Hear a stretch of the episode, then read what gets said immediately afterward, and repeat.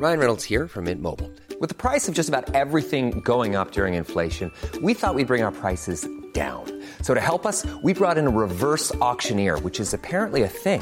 Mint Mobile unlimited premium wireless. Ready to get 30, 30, bit to get 30, bit to get 20, 20, 20, bit to get 20, 20, bit to get 15, 15, 15, 15 just 15 bucks a month. So, Give it a try at mintmobile.com slash switch.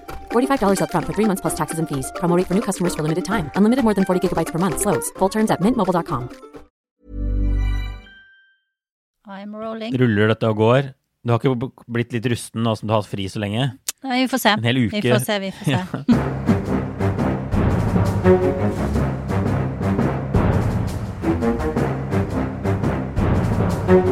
Da tror jeg vi bare setter i gang med en ny episode av Aftenpodden USA. Kristina Pletten er tilbake i skapet i Oslo. God dag, god dag. Hvordan går det der borte? Det går fint. Det begynner å bli litt, litt grann småkaldt her inne i dette her eh, klesskapet mitt, men eh, jeg holder ut.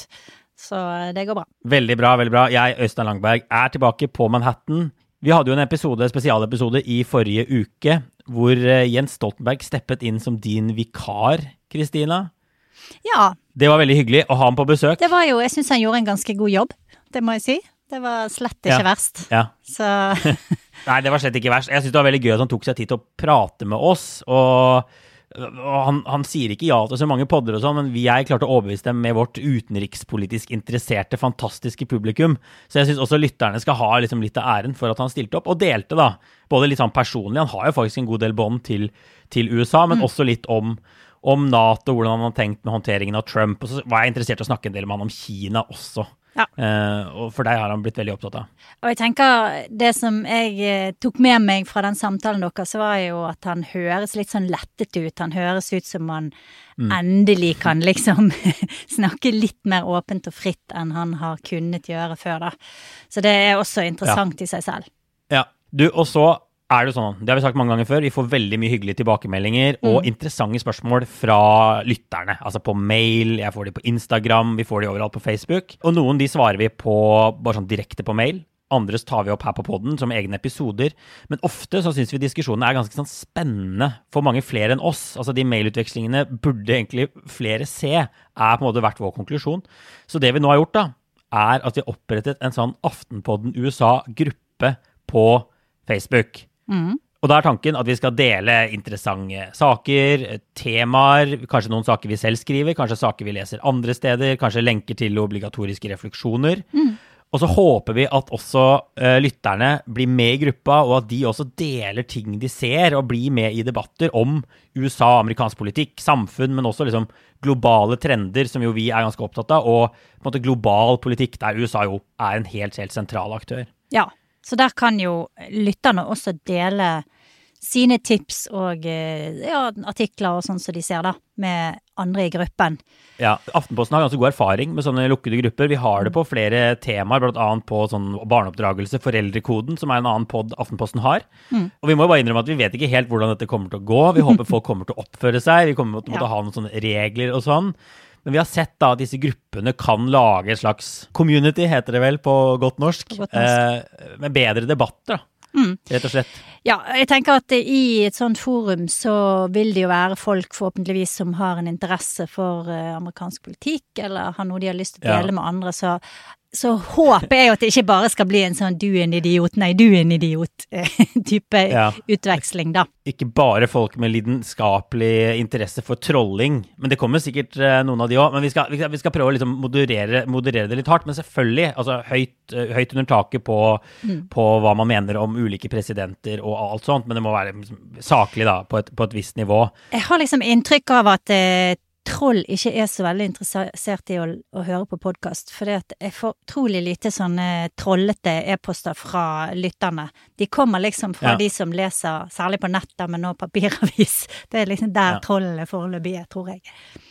30-40 minutter, det tar for mye tid for et Ja, troll. ja. Eh, Det, er ikke, det er liksom ikke verdt investeringen for å kunne trolle litt og høre 30 minutter med pod. Nei, jeg får jo ofte sånn der eh, folk som bare har lest overskriften. Sånn, jeg har ikke lest Ja. hele artikkelen, men den er sikkert elendig basert på den overskriften. Vi gleder oss i hvert fall til å lage denne gruppa, og, Ja. og, og, som heter Aftenpodden USA. Uh, og den må man da altså søke opp Aftenpodden USA, og så må man be om å bli medlem. Uh, Eller join, eller altså søke om å bli medlem. Og så skal vi få godkjent folk uh, kjapt. Og så tror vi dette kan bli et skikkelig gøyalt sted for å diskutere amerikansk politikk frem mot mellom- mellomvalget neste år, f.eks. Yes. Men du, Kristina, i dag skal vi snakke litt om egentlig hva som gikk galt for Joe Biden denne sommeren og høsten. For nå ser det rett og slett ganske dystert ut på målingene, som er en kraftig kontrast til sånn ting så ut denne våren. Så vi må snakke litt om hvor alvorlig det er, og hva det betyr for, for fremtiden hans og for Det demokratiske partiet. Men først så har vi vår lille faste spalte med hva som har skjedd siden sist. Og jeg kan egentlig bare starte. Vi har jo gått to uker nå siden vi har hatt denne spalten, og vi kommer innom mye av dette episoden i dag. Så det er en lang siden sist episode, egentlig. Men vi får si abortloven i Texas, da. Den snakket vi om for noen uker siden. Ikke bare abortloven der, men abort i hele USA, som jo står overfor et skjebneår, egentlig, abortkampen. Og den skaper fortsatt overskrifter av den Texas-loven som i praksis forbyr abort. Den ble nylig tilsidesatt av en føderal dommer i Texas. Og så var det noen som åpnet igjen og tillatt abort noen timer.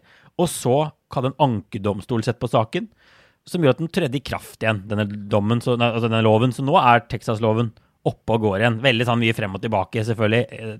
Utrolig spesielt opplegg for de som bor i Texas, å ha, ha det sånn. Ja, og så har jo vi da hele denne Facebook-avsløringen som begynte i Wall Street Journal med noe som heter The Facebook Papers. Det viste seg å være basert på en varsler som heter Frances Haugen. Litt sånn norskaktig navn.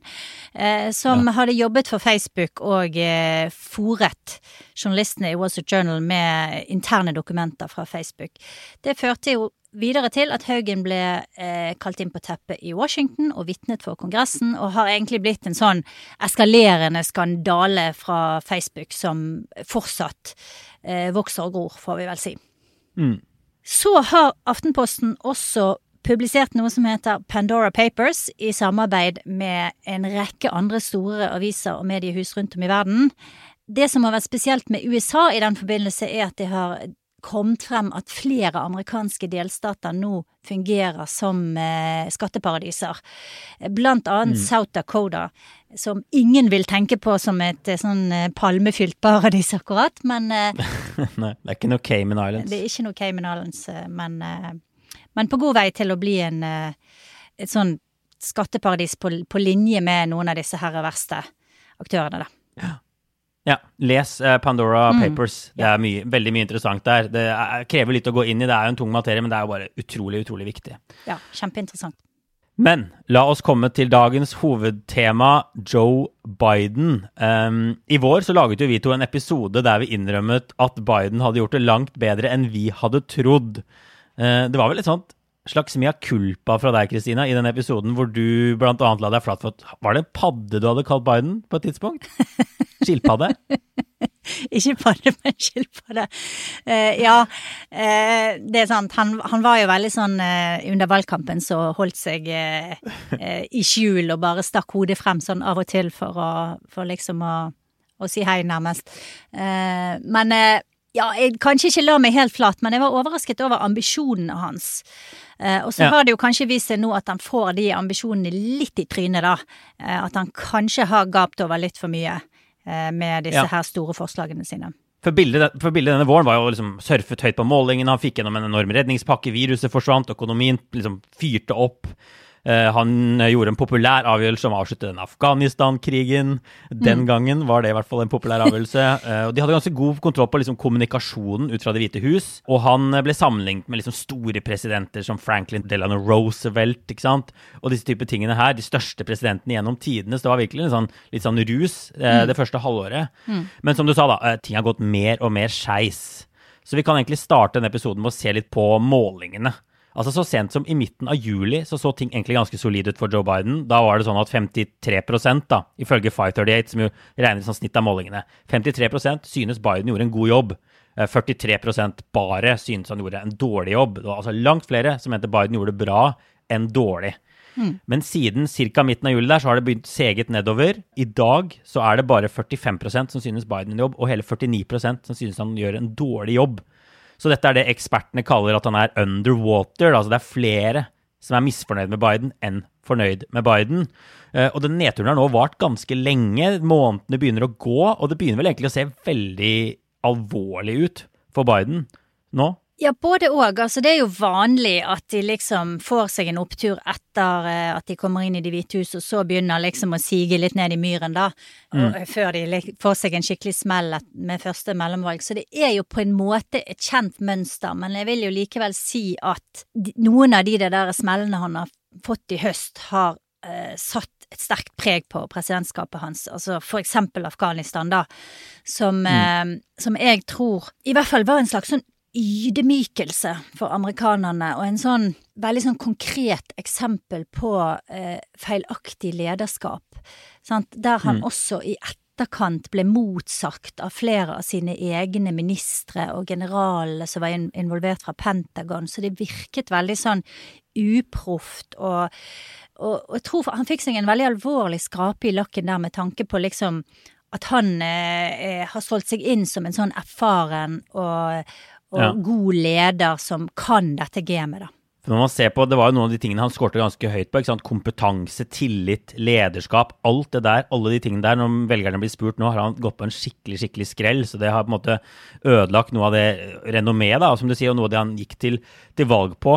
Og det som jeg, gjør at jeg tenker at dette begynner å bli litt alvorlig nå, er at, at Biden ligger nå dårligere an på disse målingene enn nesten alle andre amerikanske presidenter på tilsvarende tidspunkt siden andre verdenskrig. Ja. Det er to unntak. Det er Gerald Ford og Donald Trump. Og ingen av de ble jo som kjent gjenvalgt, selv om Trump jo hardnakket insisterer på at han ble eh, gjenvalgt. Så ble han jo ikke det.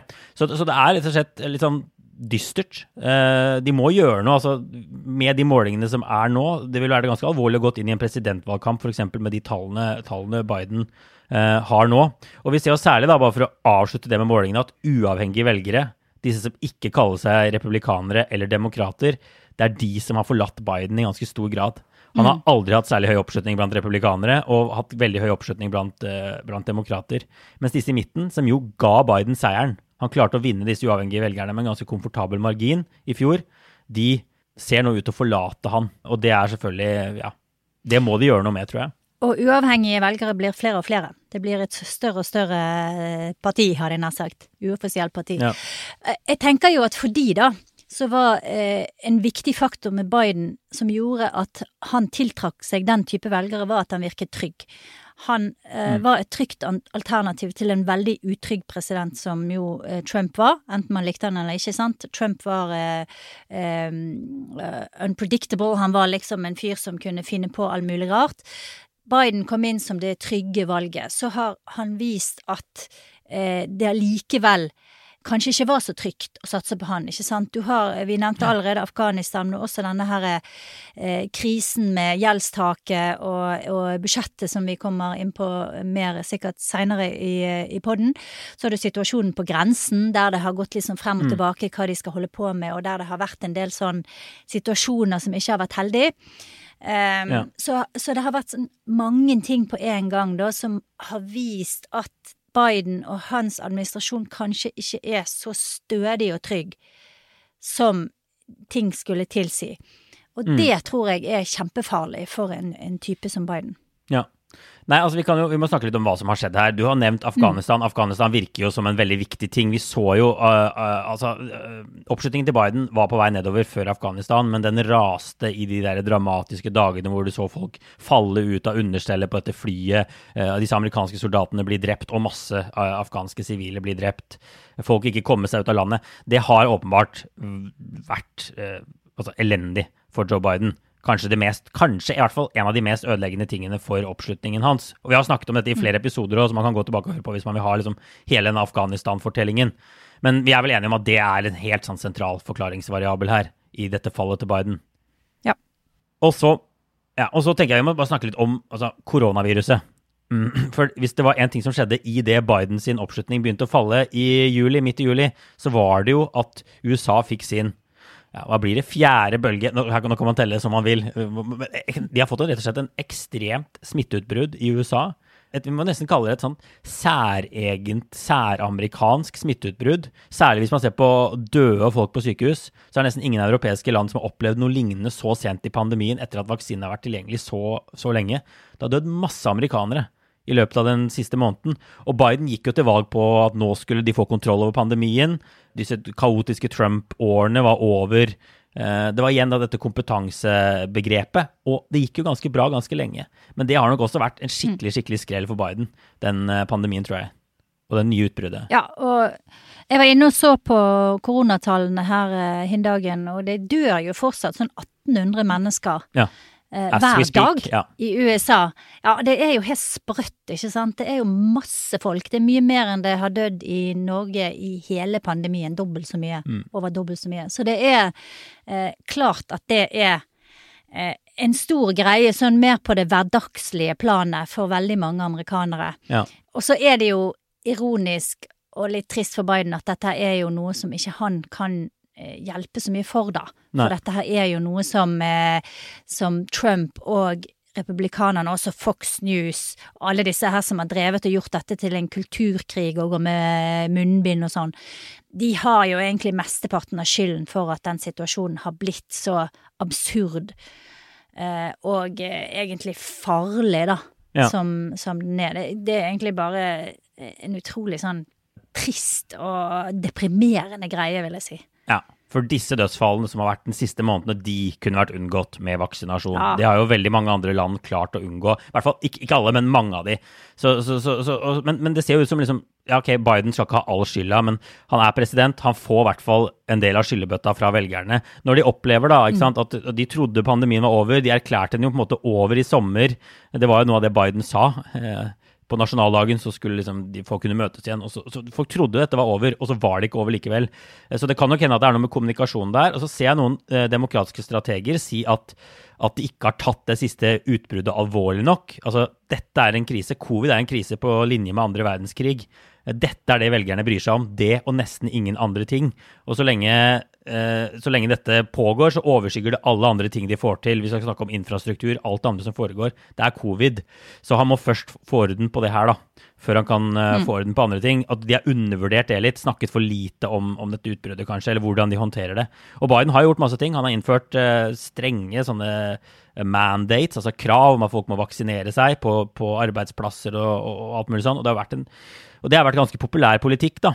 Så får vi se Jeg tror liksom hvordan Biden gjør det populært fremover, vil bl.a. avhenge av disse smittetallene. Det er det ikke noe tvil om. Som er delvis utenfor hans eh, Noe han får gjort noe med. Et annet sånn etterslep fra covid er jo egentlig jobbtallene som Det kom nye jobbtall nå forrige fredag, som også viser at eh, det skapes få nye jobber. Eh, som er et tegn på at økonomien liksom har litt sånn eh, treghet i seg med å komme i gang igjen. Ja. Og der er det jo også fortsatt et problem at eh, de får ikke nok folk tilbake i jobb. Mm. Så selv arbeidsledigheten går ned, men det er veldig mange folk som har sluttet å se etter jobb. Og de Ja. faller ut av den statistikken, ikke sant. Og regnes ikke som arbeidsledige lenger, men de deltar ikke i, i, i, jobbstyrken i det hele tatt, da. Nei. Så eh, det er også et sånn ulmende problem for Biden, som jeg tror de er nødt til å ta fatt i. Ja, økonomien er det tredje store punktet her, sammen med covid og, og Afghanistan, tror jeg.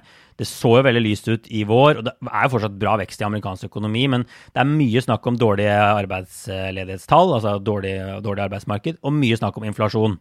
Og det er kanskje en av de tingene republikanerne har klart, da, å, å, å henge på Biden. Folk Inflasjon er jo litt sånn teknisk økonomisk begrep, øh, prisvekst og sånn, men folk, dette er tydelig at folk opplever det på kroppen.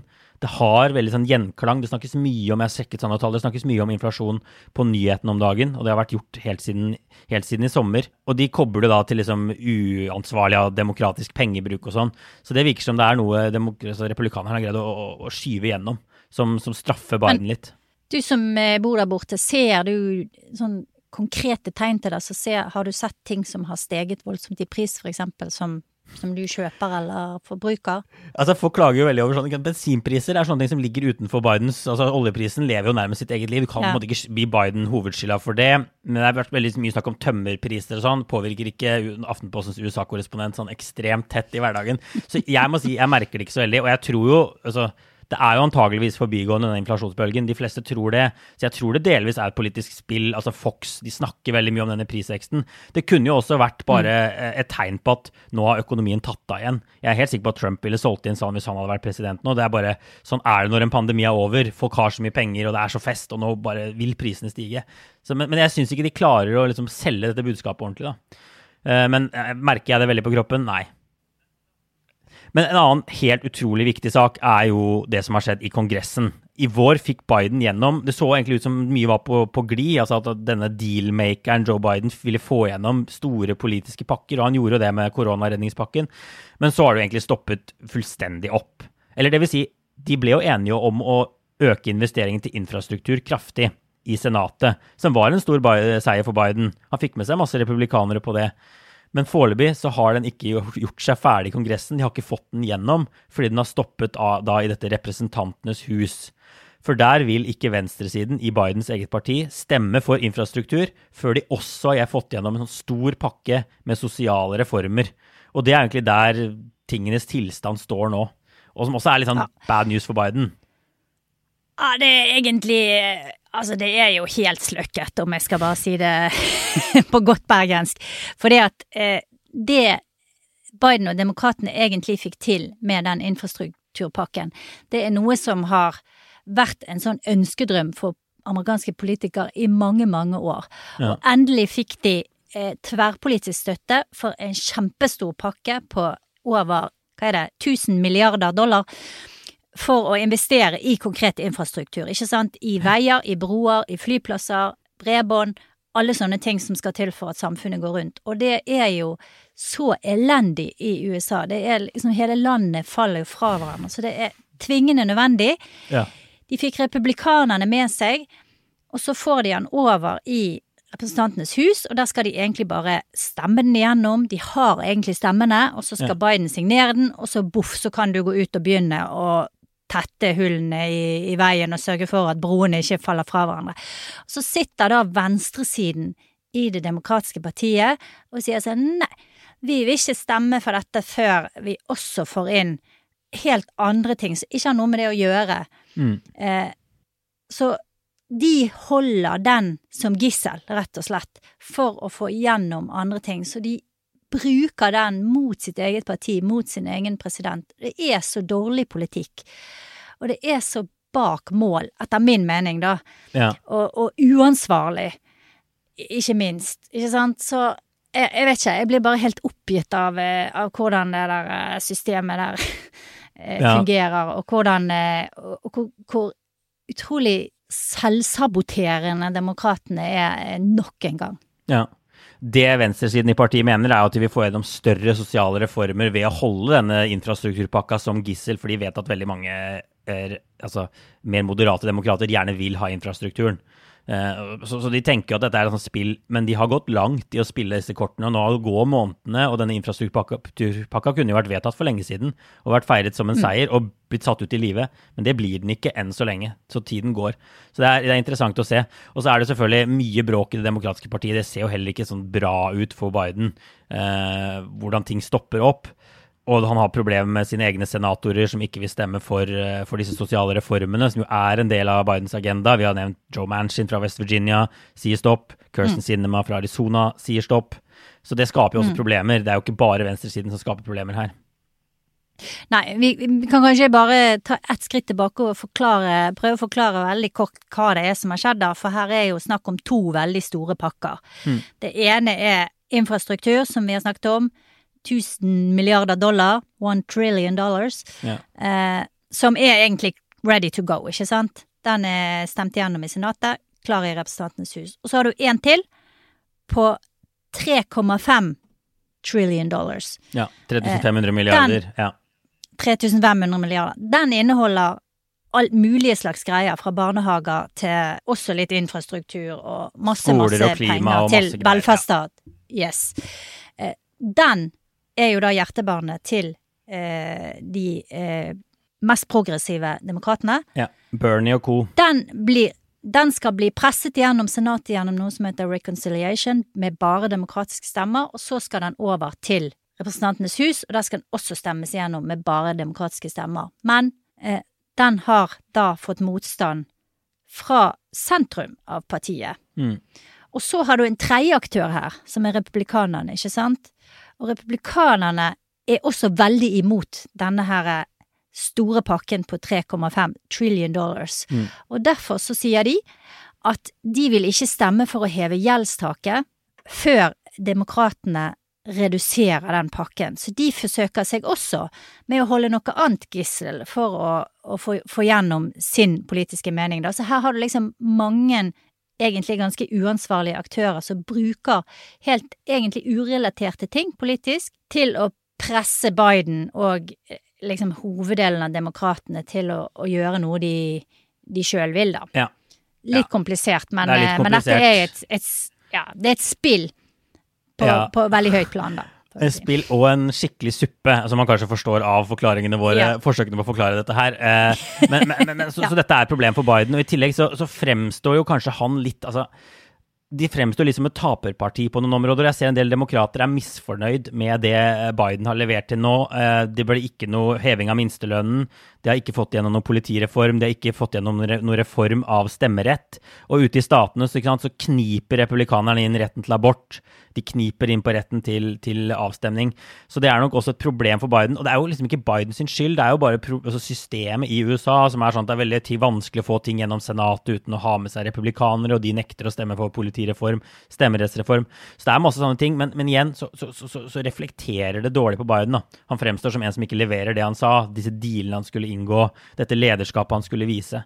Eh, så han skuffer også ja. sine egne. Så er, de, han er, de er i en vond situasjon.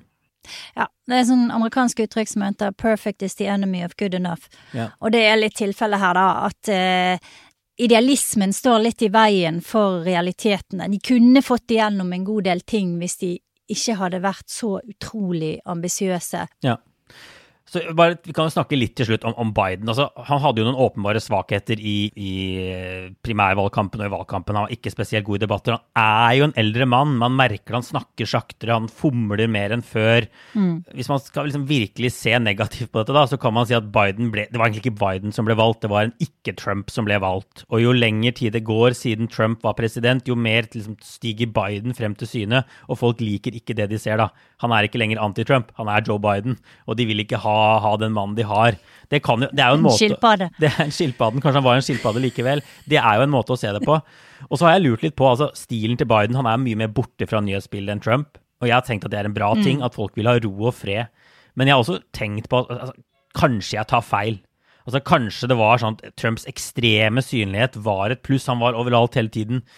Han viste ikke liksom nødvendigvis lederskap i alle velgernes øyne, men på en måte all PR er god PR. Jeg vet ikke. Jeg bare, jeg bare liksom lurer på om vi må revurdere noen ting da, når vi ser litt hvilken vei det bærer for Biden her. Det er ingen tvil om at han er veldig forskjellig fra Trump, i hvert fall.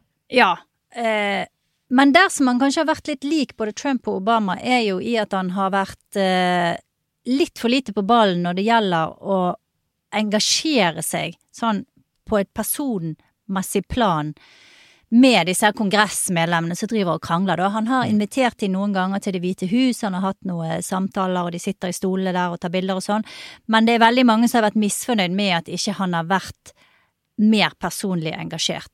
Mm. Og det er litt rart, at han solgte seg også inn som en sånn type som har vært i Kongressen hele livet, han kjenner dette gamet ut og inn, han kan få til å få gjennom, han kan bygge broer med motparten og få gjennom saker, ikke sant. Mm. Det skal sies han har gjort det for eksempel med infrastruktur, og, og, og, fikk jo egentlig en stor seier der, men han har kanskje ikke vært god nok til å holde venstresiden av partiet varm. Altså Bernie Sanders-gjengen av partiet, Alexandre Ocasio-Cortez, de folkene der tror jeg Biden har gjort for lite for å blidgjøre, og nå gjør de opprør. Mm.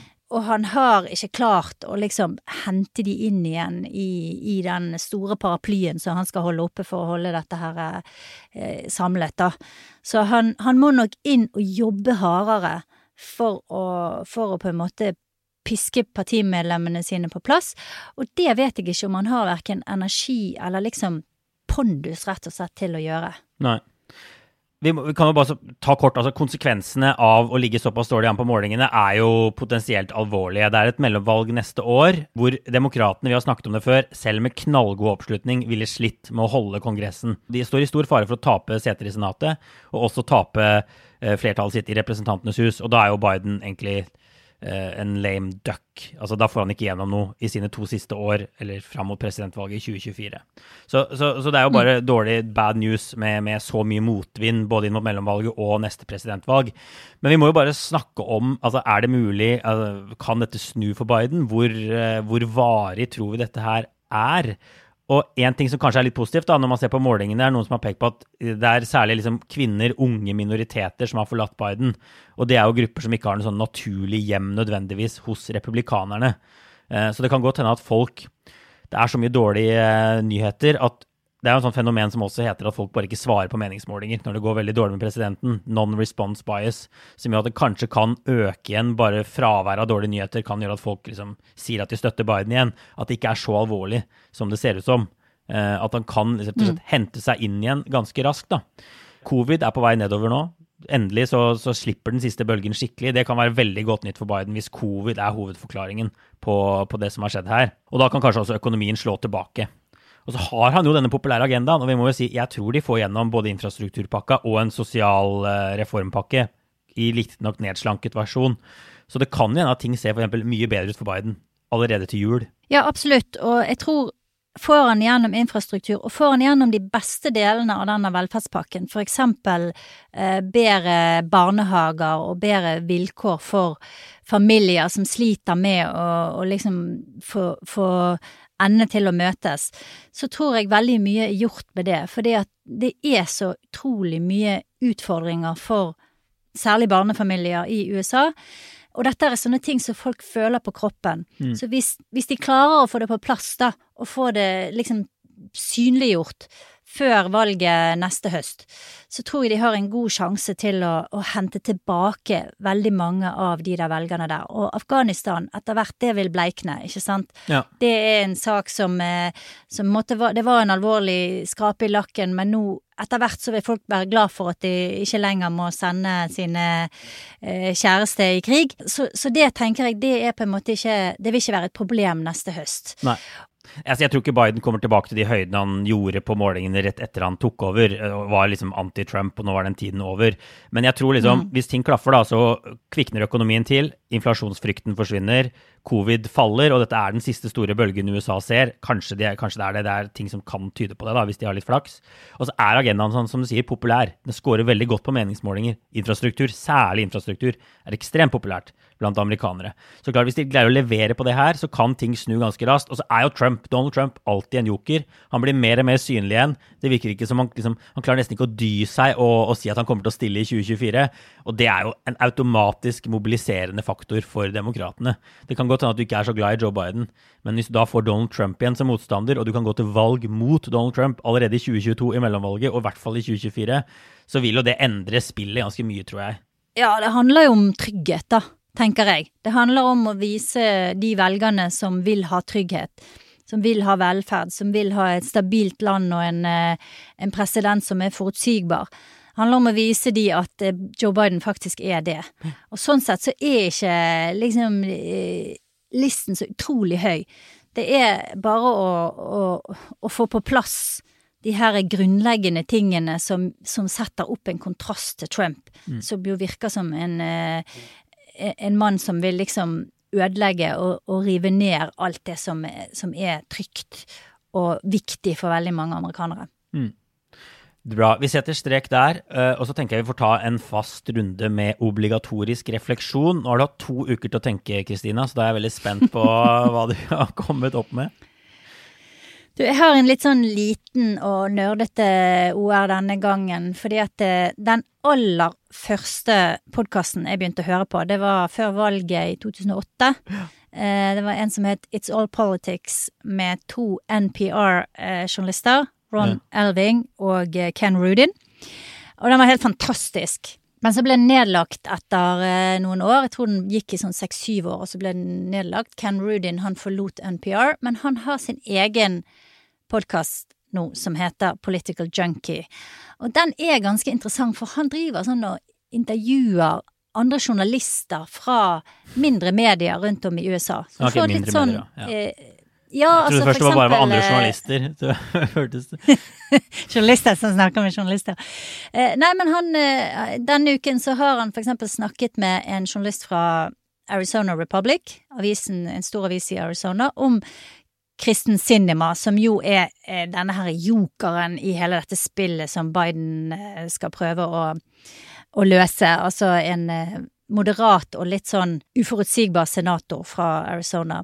Eh, og da får du litt sånn annet blikk på eh, hele hele det amerikanske politiske systemet og det amerikanske samfunnet. Så jeg, jeg tror jeg vil bare sånn anbefale den for folk som er spesielt interessert, og også interessert i å få litt andre kilder.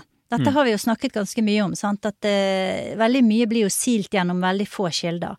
Men han, uh, han har uh, litt sånn annen tilnærming som jeg syns er, er verdt å få med seg hvis du er spesielt interessert. Ja, og navnet på Og den heter var Political Junkie. Political, Junkie. Junkie fra Ken NPR. NPR. Ja, veldig Nei, bra. den er ikke fra NPR. Nei, Han sluttet i NPR og startet sin egen greie. ok. Følg med, Øystein! Bare political junkie. Sorry, ass. Sorry. Det er tidlig på morgenen. Du, jeg, eh, min OR er egentlig altså Jeg blir ofte spurt om hvordan jeg kommer på saker, eller kommer opp med saker. Og jeg sliter ofte med å gi et godt svar på det, fordi svaret er ekstremt mye forskjellig. Altså Noen ganger så går jeg og tenker på ting selv, noen ganger så leser jeg noe et sted. En annen sak, en annen avis som jeg vil gå dypere inn i. Noen ganger er det en bokanmeldelse eller en bok. Noen ganger er det noe jeg bare kommer på mens jeg er ute og løper, f.eks. Eller jeg ser en graf på Twitter som jeg tenker oi, dette er en interessant trend. Men jeg skrev en sak om Jens Stoltenbergs håndtering av Trump, som sto på trykk i papiravisa i helgen. Og jeg tenkte jeg kunne bruke min OR til å forklare hvordan en sånn konkret sak kom i stand. Og litt sånn hvor tilfeldig ting også kan være. Den saken handler om hvordan Jens Stoltenberg og Nato har jobbet egentlig veldig strategisk med å holde Trump i Nato. Og Den saken baserer seg bl.a. på et intervju med en forsker, tidligere Nato-diplomater som er anonyme, som ikke kan si noe offentlig, men likevel kan snakke med meg. Og så intervju med Stoltenberg selv, som letter på sløret da, og sier mer enn noen gang før egentlig om håndteringen av, av Trump. Og det er jo egentlig mange måter den saken teoretisk kunne oppstått på. Altså Det kunne vært, og ser kanskje litt ut som det er et innsalg fra Brussel. For den får jo eh, Stoltenberg til å fremstå et ganske godt lys, denne saken. Eh, og det kunne også vært en sak jeg har gått og tenkt på lenge. Jeg vet at eh, Trump er ute. Jeg vet at da vil ofte politikere snakke mer etter at ting har skjedd. Vi så Erna Solberg har gjort det. Ine Eriksen Søreide gjorde det på poden vår for noen uker Yes. siden. Sa mye mer enn noen gang. Men det kunne også vært at jeg ble ringt opp av denne Nato-kilden, som ville si mer enn før også, og tipse meg om den saken. Eller at forskeren som hadde skrevet denne eh, forskningsartikkelen, tok kontakt med oss og ville liksom selge inn sin egen forskning på det. Men i det tilfellet her så var det ingen av delene. Det som skjedde, var at jeg tok toget til DC før dette podkastintervjuet med Stoltenberg, og satt og googla, egentlig. Altså Stoltenberg, Trump, Praise, tid, ting fra den tiden. Jeg ville snakke med Jens om denne Trump-håndteringen.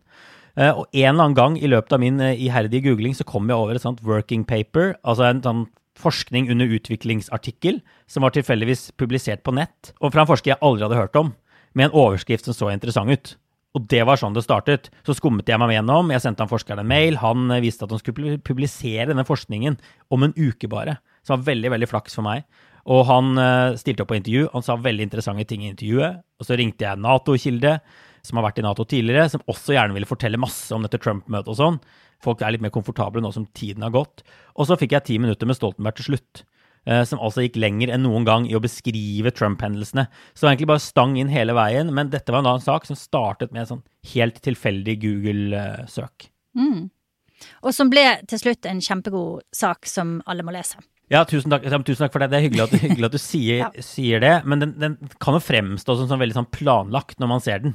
Uh, og og dette, er noe, dette er en sak jeg burde ha tenkt på på, en måte på egen hånd også.